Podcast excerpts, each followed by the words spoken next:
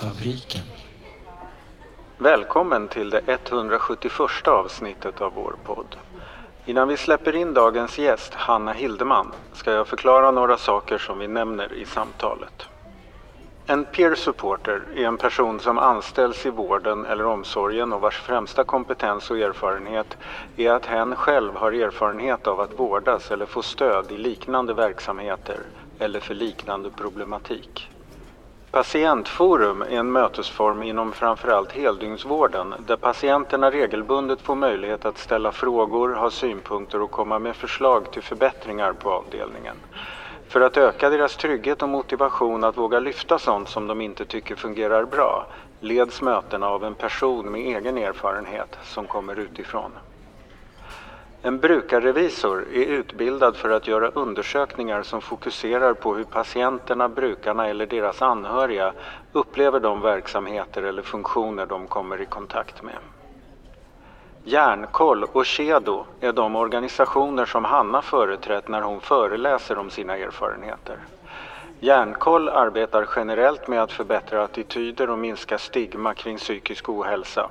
Kedo, som står för Self-Harm and Eating Disorder Organization, jobbar specifikt med frågor om ätstörnings och självskadeproblematik. Välkommen till Kafferast i Kunskapsfabriken, Hanna Hildeman. Tack så mycket. Kul att ses även om vi bara ses över en dator just idag. Ja, det var länge sedan. Ja, det var det faktiskt. Vi har setts på konferenser i, i Stockholm ibland men ja. i Malmö oftare tror jag.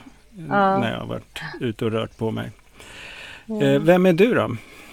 Ja, vem är jag? Det är väl en svår fråga. Jag gjorde ett konstprojekt en gång där jag frågade hundra personer vem, vem är du? Mm, fick du några svar? sen, nej, jag fick ju knappt det, så jag fick sluta ställa den frågan sen. Jag fick gå andra vägar. Nej, men jag är 36 år gammal och bor i Malmö. Kommer från en mindre stad från början, men eh, jag passar inte i sådana småstäder. Eh, jag har ehm, eh, Ja, vad gör jag? Jag jobbar som peer supporter, fast just nu är jag sjukskriven. Uh, och så är jag samtalsledare för uh, Patientforum och så är jag föreläsare och hjärnkollambassadör. Jag är också brukarrevisor och så är, um, vad jag mer? Jag, jag är konstnär, det är främst det. Mm. Om man frågar min snart sexåriga dotter vad uh, jag gör så är jag konstnär och det tycker jag är väldigt skönt att jag får det svaret av henne. Ja, ja, det är så mm. hon erkänner dig. Så, ja, mm. precis.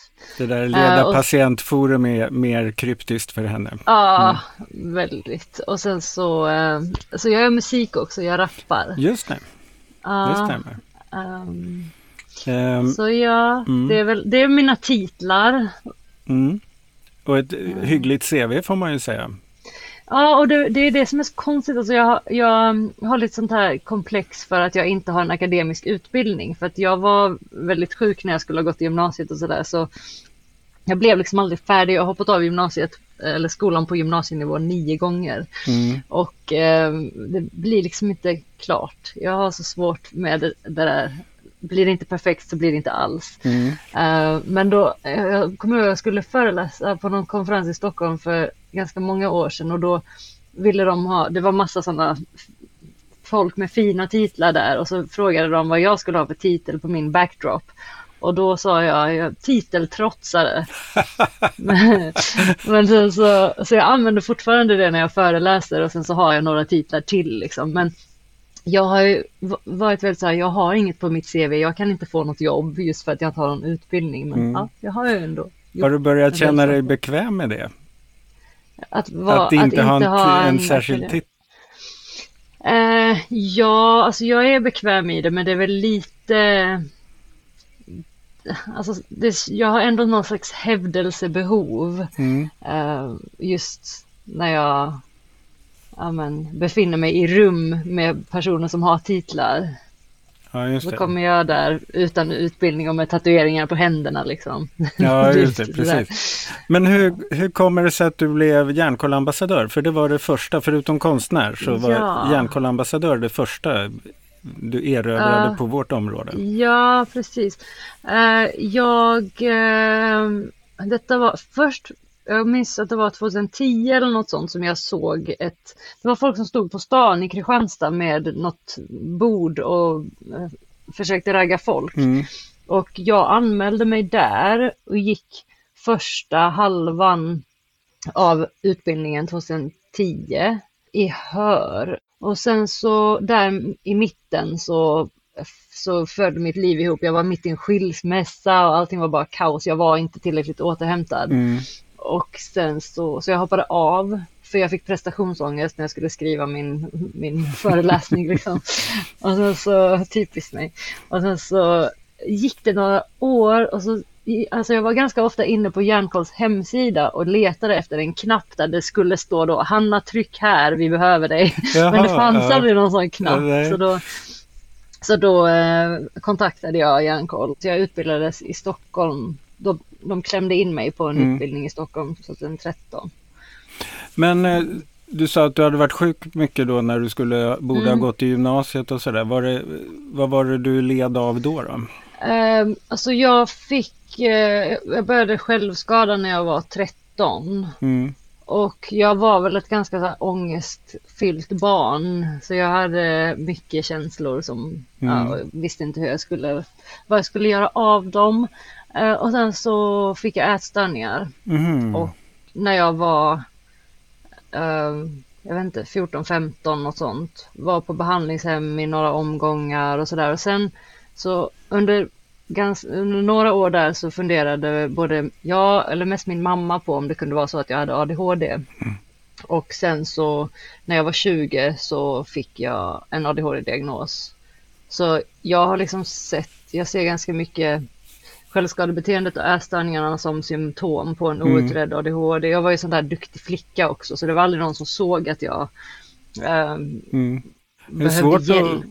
att, svårt att hålla på och vara duktig när tankarna far. Ja, verkligen. Alltså, då måste man skärpa sig hela tiden. Det är Ja, inget som går av sig självt. Liksom. Mm. Nej. Och, ja, och sen så nu har jag ju fått en, ännu en eh, diagnos på mitt CV. Ja. mitt diagnos-CV. Eh, för, för, och det, så, det känns så konstigt. Det var tre år sedan nu så fick jag AIDS-diagnos. Och då har jag varit liksom psykpatient i 16 år, halva mitt liv. Så vid 32 års ålder fick jag den slängd på Och mig. apes är då, eh, Emotionellt instabil personlighetssyndrom. just det, precis. Som Och- tidigare ofta kallades för borderline. Ja, precis. Jag kallar det fortfarande borderline ibland. Mm. Eh, Det är jag får säga det för jag har det. Mm, ja, precis. Behöver du fler diagnoser för att leva bra? Nej, nej, det behöver jag inte. Alltså, det är väl bara det att jag aldrig har fått rätt hjälp. Jag har Mm. aldrig fått någon slags eh, känsloregleringsterapi. Aldrig. Okej. Och Mm. det var ju det man sa när jag fick den här borderline-diagnosen, att det är liksom en, eh, ja, att det är beklagligt. Mm. Eh, alltså högst beklagligt att jag aldrig har fått rätt hjälp. Nej. Rätt Vad är det för typ av hjälp du skulle behöva då? Um, alltså inte DBT, nu egentligen. eller? Ja, jag hade velat ha DBT för 20 år sedan. Mm. Um, nej men för, jag tror att min mamma då, när jag var i 20-årsåldern, eh, försökte få in mig på DBT, men då sa man ju nej men hon har inte borderline. Nej, så det kan hon inte få. Och nu är jag ju liksom, eftersom man inte har provat någon känsloregleringsterapi på mig så måste man prova allt annat innan jag får DBT. Så jag vet inte, kanske sen när jag blir 40-45 Att du är framme och har kvalat Ja, in till det som du precis. hade behövt när Ja. du var 20 då kanske. Ja, om, men man vill inte heller göra sig sjukare liksom, Nej. än vad man är. Jag vill så gärna ha den här terapin för jag har hört så mycket gott om den. Mm. Men, det, men jag vill inte behöva liksom spela sjuk eller Nej. så här, hota om att ta mitt liv som jag har, hört talas Nej. om att folk har gjort för att få gå DBT även om de har mått lite bättre än så. Med tanke på att du har klarat dig ganska bra. Ja, ehm, så är det kanske, du kanske har skapat dig någon slags DBT. ja jag tror också det. Eller delvis Sen är det i alla fall. alltså, ja, men sen är det ju ändå lite så bakom fasaden som jag ändå försöker att vara öppen med så, så har jag ju fortfarande problem med Mm. eh, relationer, känsloreglering liksom. Även om jag är väldigt bra på att hantera vardagen för liksom, ja, jag, jag är bra på att pusha eh, igenom. Men kanske att jag fortfarande, de runt omkring mig kanske lider lite av min svängighet och Ja, eh, sådär. det. Jag har svårt med relationer, alltså vänskapsrelationer. Jag har korta vänskapsrelationer som tar slut fort och Mm. sådär. Och det, jag Ja, vet just inte, det. man kanske ska acceptera att det är så. Men Men å andra Eh. sidan om du skulle, då skulle kunna hitta lite fler strategier som gör att det är lite lugnare att vara du. Och kanske Ja. också lite lugnare för din omgivning med dig. ja, Mm, ja precis. Och din omgivning, är, vilka är de? Ja, vilka är de? Eh, Det är min kille och min dotter som är, hon är snart sex år. Mm. Det är dina Um, närmaste.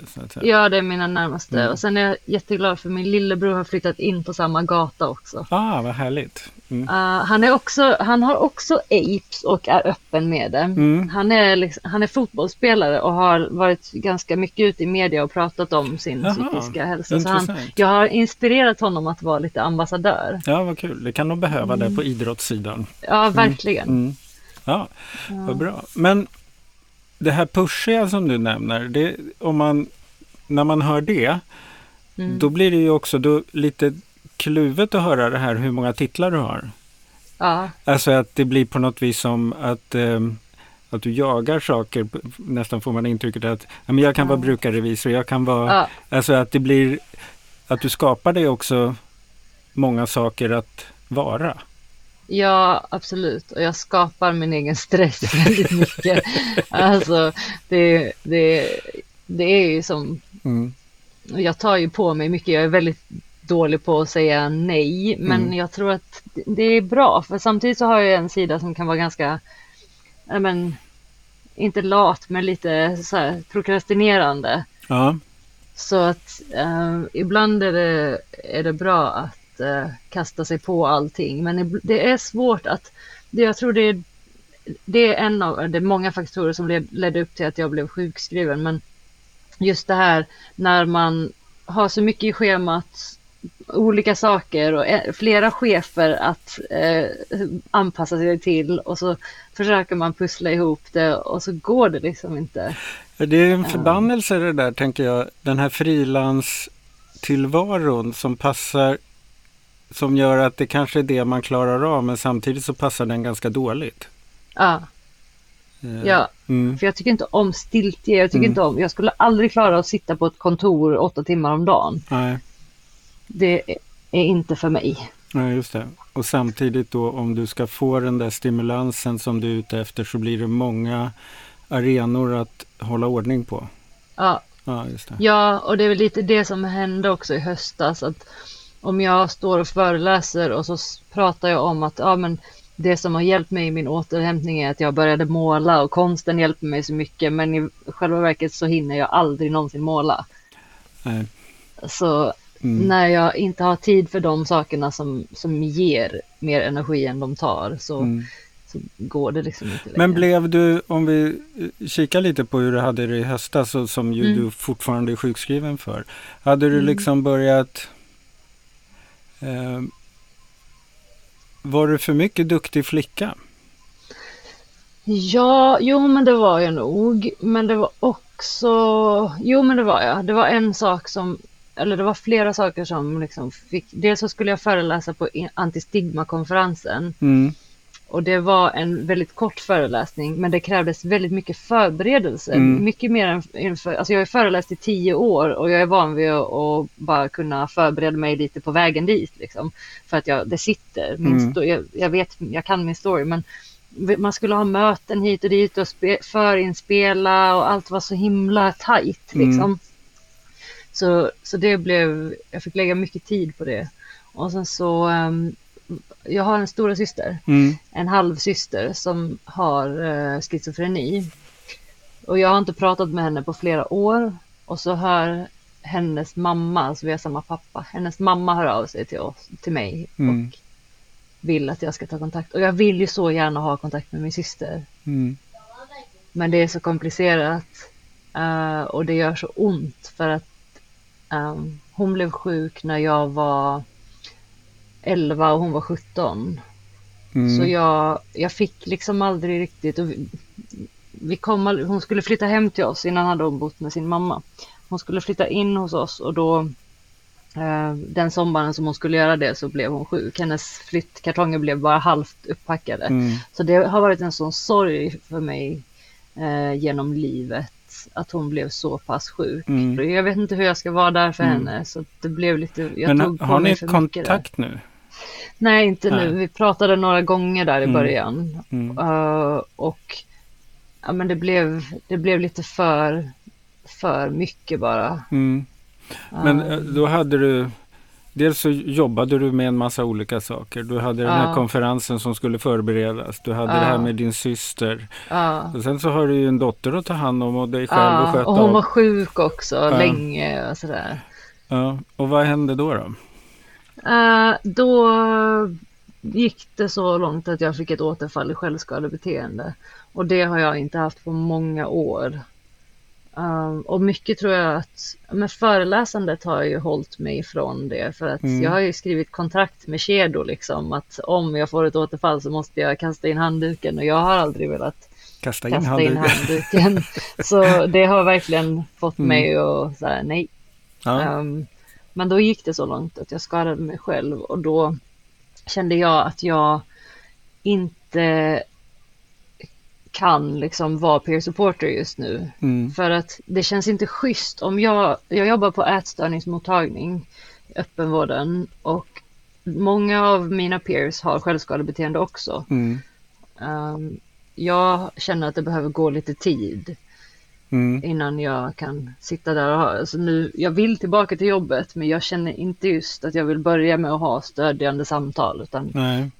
Ja det var det också, eh, det här med att ta hand om sig själv. Jag hade, innan jag kraschade hade jag precis köpt ett gymkort också för jag har inte tränat på flera år och jag bara, jag, jag vill verkligen träna nu för att jag känner att jag vill vara lite starkare i kroppen och det här, jag, mitt jobb nu är mer stillasittande. Mm. När jag jobbade på psykos då cyklade jag mycket för mina peers bodde på andra sidan stan och så höll jag promenadgrupper och så. Jag är väldigt så ADHD-ig. Mm. Jag behöver, jag har ett stort rörelsebehov liksom. Så ehm, men nu sitter jag för mycket på jobbet så då Okej. kände jag att jag måste få utlopp för det där. Eh, men jag märkte ju att nej men när fan ska jag hinna träna? Har du hunnit det nu när du har varit sjukskriven? Ja, det är det jag har gjort. bra. Jag har fått en, Mm. jag går liksom, jag går och lämnar på förskolan klockan nio och sen går jag till gymmet Mm.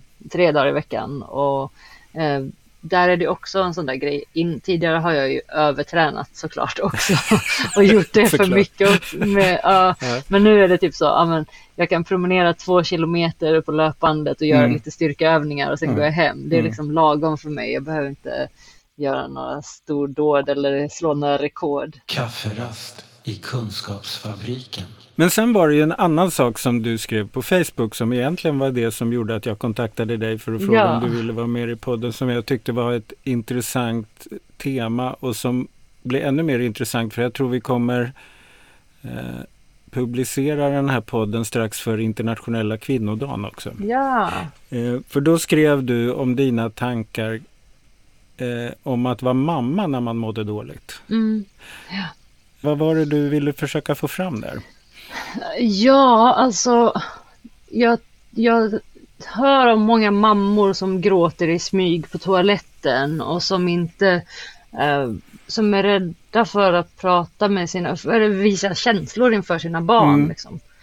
Eh, och med min dotter så har jag känt att jag behöver vara öppen med henne för att jag, jag kan inte, jag vill inte att hon ska tro att man inte kan må dåligt och så, sådär. Um, det är ju viktigt att hitta en balans så att inte hon behöver ta ansvar för mina känslor. Men Mm. just att förklara, alltså hon har ju sett mig ha ångest och då har det varit en annan vuxen här också så det, Mm. det har ju funnits någon men hon har ändå sett mig försöka hantera ångestattacker. Och då har jag ja, men, pratat med henne efteråt och sagt till henne att det här är inte farligt utan ehm, det är mycket känslor. Mamma har mycket känslor och, Mm. och du behöver inte vara orolig och jag, jag klarar mig. Liksom. Mm. Men att, ehm, att det, alltså hon är så extremt empatisk. Och jag, jag hoppas och tror att det har att göra med att jag har varit öppen med henne. För att hon beskriver ofta just det här som jag också skrev i det där inlägget tror jag. hon beskriver att hon tröstar kompisarna på förskolan. Ah, och mm. ehm, är liksom... Nej, men hon, hon vet man ju inte det, hur det, detta kommer yttra sig om tio Ja. år liksom hos Nej, henne. v- Men det känns som att hon är väldigt bra på att hantera Ja, men som, jag var ledsen igår kväll, hon gick och ritade en teckning till mig och sa den ska du ha. mm. Alltså hon dras inte med i mina känslor. Nej, nej, utan, Utan hon okej. är- ja. Hon är väldigt duktig på att så här, men det är ingen fara. Men då kanske det är du så- som har varit duktig då? Ja, kanske. Ja, alltså det, man kan ju säkert ha tusen teorier om hur man borde vara som mamma om man mår dåligt. Mm. Men det, det, det enda vi kan vara säkra på är att det, ni, ni är där ni är och ni är de ni är. Mm. Ni har Mm. varandra och ni måste hantera det på något sätt. Ja. ja, precis. Mm. Ja, det, ja men jag, jag tror att vi gör ett bra, jag ska inte ta all cred för min, min kille hjälper till väldigt mycket med, med eh, uppfostran och det, det är också, vi har en väldigt fin dynamik i familjen där Mm. ehm, vi har olika lång stubin liksom. Och, om jag, och jag, kan, jag kan vara ganska så här neggig. Jag kan vara Mm. ganska gå in i och bli rätt så pessimistisk. Mm. Men då eh, lyfte min kille upp stämningen helt. Mm. Och ha- hade det bara varit jag och min dotter alltid så kanske det hade blivit lite så, mm, lite just sur, surare stämning. Ja. Men så, så finns det alltid en, Så en att din person som- dotter får liksom ett spektrum ändå. Även, eh, Ja. just det, det är inte bara ditt humör som präglar Nej. familjens stämning. Precis. Ja. Hur förhåller han sig till dig då? Till mig, Mm. oj oj oj. Ja, han sitter här i rummet bredvid, jag vet inte hur mycket jag ska säga. nej, nej men eh, alltså han är extremt stöttande. Vi kan återgå till Mm. gårdag, gårdagskvällen Mm. när jag var ledsen. Och ehm, jag, han var inte hemma och jag ringde honom och eh, tiggde först om att han skulle komma hem Mm. för att det hade varit det bästa med att bara så här, då hade han fixat mig. Mm. Men istället så eh, guidade han mig med andning genom, över telefon Jaha. och jag Mm. lugnade ner mig. Mm.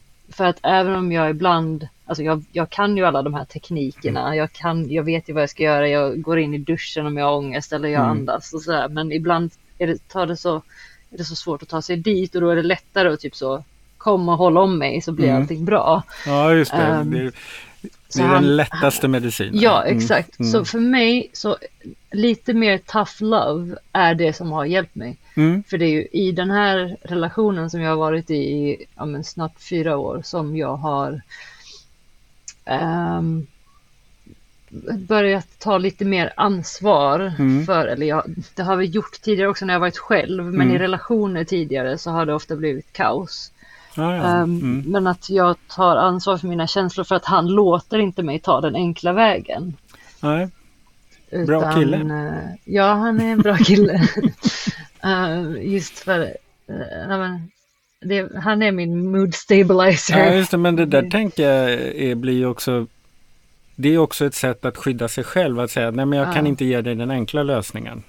Ja, Eh, för då, bli, då vet inte jag vem jag blir. nej precis. Eh, och, men om, om vi kan vara överens om att jag kan vara i det skedet kan jag steppa in och vara lite coachande istället. Ja, exakt. Så får, du, peer så, får du, supporter. ja, just det, så får du Ja. lösa det eh, själv. Men jag finns här. Mm. Så att säga. Ja. Mm. Precis, det är, det är just det som jag nog har behövt och jag tror att kanske andra har försökt, alltså inom psykiatrin och Mm. sådär, men då har inte belöningen varit tillräckligt Nej. eh, lockande liksom. Det har Nej, inte, det. men att, men att våra alltså, bra stunder låter som att vi nästan aldrig har några bra stunder. Men, Nej, det är bara liksom- coachande. Ja, precis. Nej men, nej, men att belöningen är att vara i en fin relation. Mm. Och det har ju inte psykiatrin riktigt kunnat. Nej, det är ju inte deras uppdrag riktigt. Nej, Nej, precis. Eh, Så det, och det är väl det också som jag tänker att nu när jag har varit, när jag är sjukskriven och har kraschat och sådär och behöver ta kontakt med psykiatrin för första gången på flera år Mm. så, så känner jag som en, vad fan ska de hjälpa mig med? Alltså det, jag, jag tänker Mm. att ja, men jag har blivit erbjuden att gå på någon så här, ja, men, eh, psykoedukation Ja. om eh, apes och jag har ju läst om det här i 15 år redan Mm. och jag tror att jag har ganska bra koll. Så jag, Ja, det som Ja. skulle kunna vara något annat är ju om du får sitta och prata med andra med apes. ja. Eh, Att Ja. liksom jämföra sig. Det har jag också gjort väldigt mycket. Varenda människa jag träffar på. Alltså, apes. jag, ja, ungefär. Ja, just det. Ja. Så, nej, men så jag har ju ganska, jag hyser ju lite agg mot psykiatrin måste jag erkänna för att Mm. jag har blivit felbehandlad och, och fel, liksom, icke-diagnostiserad under många Mm. år när jag inte har fungerat överhuvudtaget. Jag har liksom, min, största delen av mina 20s så har jag varit sjukskriven och gått på försörjningsstöd. Mm. Jag har bara varit inlagd en gång förutom behandlingshem då. Mm. det var för, det var 2010. Mm. Och då eh, konstaterade man att jag hade fallit mellan stolarna och eh, jag, var, jag blev sjukskriven i ett år och fyra månader och på varje, varje månad så stod det i läkarintyget komplicerat ärende och ADHD. Men det fanns ingen åtgärd, det fanns ingen vidare utredning utan det var bara "Ah, oj, vad ska vi göra med henne? Mm. Satte mig i någon grupp, så här arbetsterapigrupp där det var jag och två killar som typ tränade på att sätta igång en dator. Mm. Eh, och så satt jag där i en fåtölj och typ försökte läsa en bok men somnade hela tiden. Det var, jag blev helt understimulerad där. Så det, jag är väl lite svår för att jag verkar så extremt kapabel. Mm. Så jag, jag brukade säga det eh, när jag hade nya psykiatrikontakter, eller ja, det kanske jag fortfarande ska säga. ehm, att ja, men i teorin är jag skitsmart. Mm. Men i praktiken är jag helt dum i huvudet. brukade jag få säga då liksom. För att jag, nu, alltså nu, nu är jag ju mycket mer välfungerande. Men, men då hade jag liksom problem med, med att genomföra ja, men allting, göra någonting. Så, ja. Det i sig tänker jag, giss, eller gissar jag, en ganska tuff erfarenhet att dra, ha med sig i livet. Att under en lång period i livet så kunde jag inte göra något. Alltså jag, Nej. så. Ja. Och det handlade väl just om att jag har, eh, hade inget CV, jag kunde inte söka några jobb eh, förutom sådana som jag hade blivit utbränd av. Mm. Eh, Jag har jobbat i typ klädbutik och som servitris och Mm. det funkade inte för mig. Och jag hade ingen utbildning och så det, jag, jag tänker att vad ska man göra då liksom? Mm. Jag hade inget kontaktnät heller så att då blir man lite fast. Jag brukar säga att jag har fastnade i samhällets skyddsnät. Jag trasslade liksom in mig där och så kom jag inte loss. Jag, jag behövde komma bort från Kristianstad där jag bodde. Jag behövde vidga mina vyer, men jag gick på SOS så jag Mm. kom ingenstans. Liksom. Ja, just det. För då, med SOS så är man ju också någon fastlåst vid sitt Ja. SOS-kontor lite grann. Ja. Mm. När började du måla? Eh, det gjorde jag 2014. Ja, det är tio år sedan jag började Mm. måla. Jag, jag gick på en folkhögskola och skulle plugga betyg, men det var, folkhögskola funkar inte för mig för det är inte tillräckligt ambitiös Mm. miljö utan det är för slappt. Um, jag tycker om när det är strängt och fyrkantigt. men så, så jag gick där och så fanns det en konstlinje på den skolan. Och jag hade, men jag hade precis genomgått en stor magoperation. Ehm, och det är också en sån där grej, uh, vårdfel. Liksom. Jag hade eh, problem med magen som inte upptäcktes på sju år fast jag sökte hjälp om och om och om igen. Och sen när man väl gjorde rätt undersökning så bara oj, du ska opereras. Mm. Trodde de att det var något psykosomatiskt? Eller? Ja, Mm. precis. Nej, men hon känner nog efter för mycket för hon har ju Hon ätstörningar. är ju ett komplicerat fall ju. Ja, precis. Så 2013, så, i slutet av 2013 hade jag opererats och sen så under återhämtningsperioden när jag var rastlös och skulle vila så, så började jag måla. Mm. Jag började först måla på möbler och jag Så sen kom jag på att men nu får jag ju nog hålla på något annat. Och sen så blev jag lite sugen på den där konstlinjen så jag övertygade rektorn om att jag skulle klara av att samtidigt som jag gick konst så skulle kunna läsa svenska 3 samtidigt. Mm. Så då fick jag eh, lov att söka konst och det var typ så, jag rafsade ihop grejer. Jag hade aldrig testat att teckna någonting. Mm. Jag var också för eh, analog för att eh, lägga allting på ett USB-minne. Mm. Jag ville liksom att folk skulle uppleva min konst. Så jag mm. bara packade ner allting i en stor grön väska och ställde på kontoret inne på konstskolan. uh, de hade nog inte så högt söktryck för jag kom in. Okay, yeah. uh, och det var tur för att jag vet inte vem jag var innan jag började måla. Mm. Jag, hade jag hittat måleriet tidigare så så kanske det hade gått lite bättre. Ja. Det var lite så, det, där jag kommer ifrån, jag är ju väldigt arg på min uppväxtort liksom. Jag kommer ifrån en liten snobbig håla vid kusten. Och eh, där fanns det inte utrymme för några sådana intressen. Alltså man skulle spela golf, tennis eller handboll. Um, och inget annat räknades. Liksom. Mm. Det, fanns, det var ingen som höll på med någon, utövade någon kultur vad jag kände till. Liksom. Det fanns några skatare uh, men um, nej, jag, jag upptäckte det väldigt sent. För jag skulle ju bli akademiker för det var ju det som alla sa. Hur vet vi vad som är bra? Hur vet vi att det blir bättre?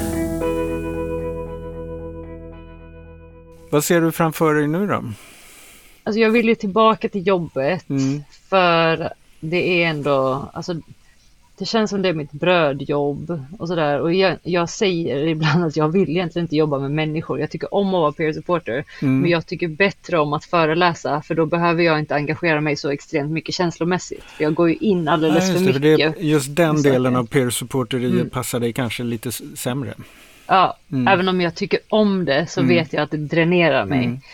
Så äh, egentligen, jag vill ha fler föreläsningsuppdrag framöver. Mm. Jag vill skapa, försöka skapa tid till att måla, vara lite snällare mot mig själv och kanske ibland tacka nej till uppdrag även om de är betalda. Mm. Uh, och typ, jag, jag har ju alltid mina patientforum året runt även när jag har semester för att få det att gå ihop liksom. Men mm. att man kanske bara, ja men den här veckan får jag faktiskt ställa in och så, mm. så får jag bara så, låta bli att äta på restaurang en gång och sen det, går det jämnt upp. Just det, men uh, hur tänker du? Hur mår du om ett halvår om du får önska? Uh, hur mår jag om ett halvår? Jag tror att jag mår jättebra om ett halvår. Mm. Hur ser uh, vägen dit ut då? Um, försöka att mm, vara lite Ja, alltså sätta ner foten lite mer för mig själv. Typ så här, jag blir väldigt trött till exempel av fikarum och sådär. Mm. Att, att bara säga, nej men idag äter jag lunch på mitt kontor. Och det får vara okej. Okay. Är det någon slags energibesparande aktiviteter? Eller ja, för, alltså, mm. ja, precis. För att jag, men jag är väldigt så, ja, men jag jobbar med ätstörningar, jag har haft ätstörningar. Ska jag gå och gömma mig i mitt rum, jag med den egna erfarenheten, ska jag gå och gömma mig på lunchen? Det ser inte så bra ut. Så mm. när jag, kom, jag har bara jobbat på ätstörningsmottagningen sedan i mars förra året. Så jag kände att jag behövde bevisa så mycket på något sätt. Jag har ju jobbat... Ja, just det. Det där är ju knepigt. Alltså det är inte så att jag ska ja. vara bra på att ta hand om mig själv utan jag ska verka må bra i deras ögon. Ja, det, det, är väl det som jag har tänkt. Jag vill mm. visa att ja, men, här sitter jag och äter mer varje mm. dag fast jag egentligen har lite andra matrutiner. Mm. Uh, ja, men vad ska jag mer göra för att ta mig till att vara lycklig om ett halvår? Eller må bra i alla fall. Ja, må bra. Nej, men uh, ja. Sova mm. ordentligt. Mm. och uh, leka med min dotter. Alltså det är så himla kul att hon blir äldre. Hon har lärt sig läsa nu. Alltså, det är så, så roligt att det börjar bli en person man kan umgås med mm. liksom på riktigt.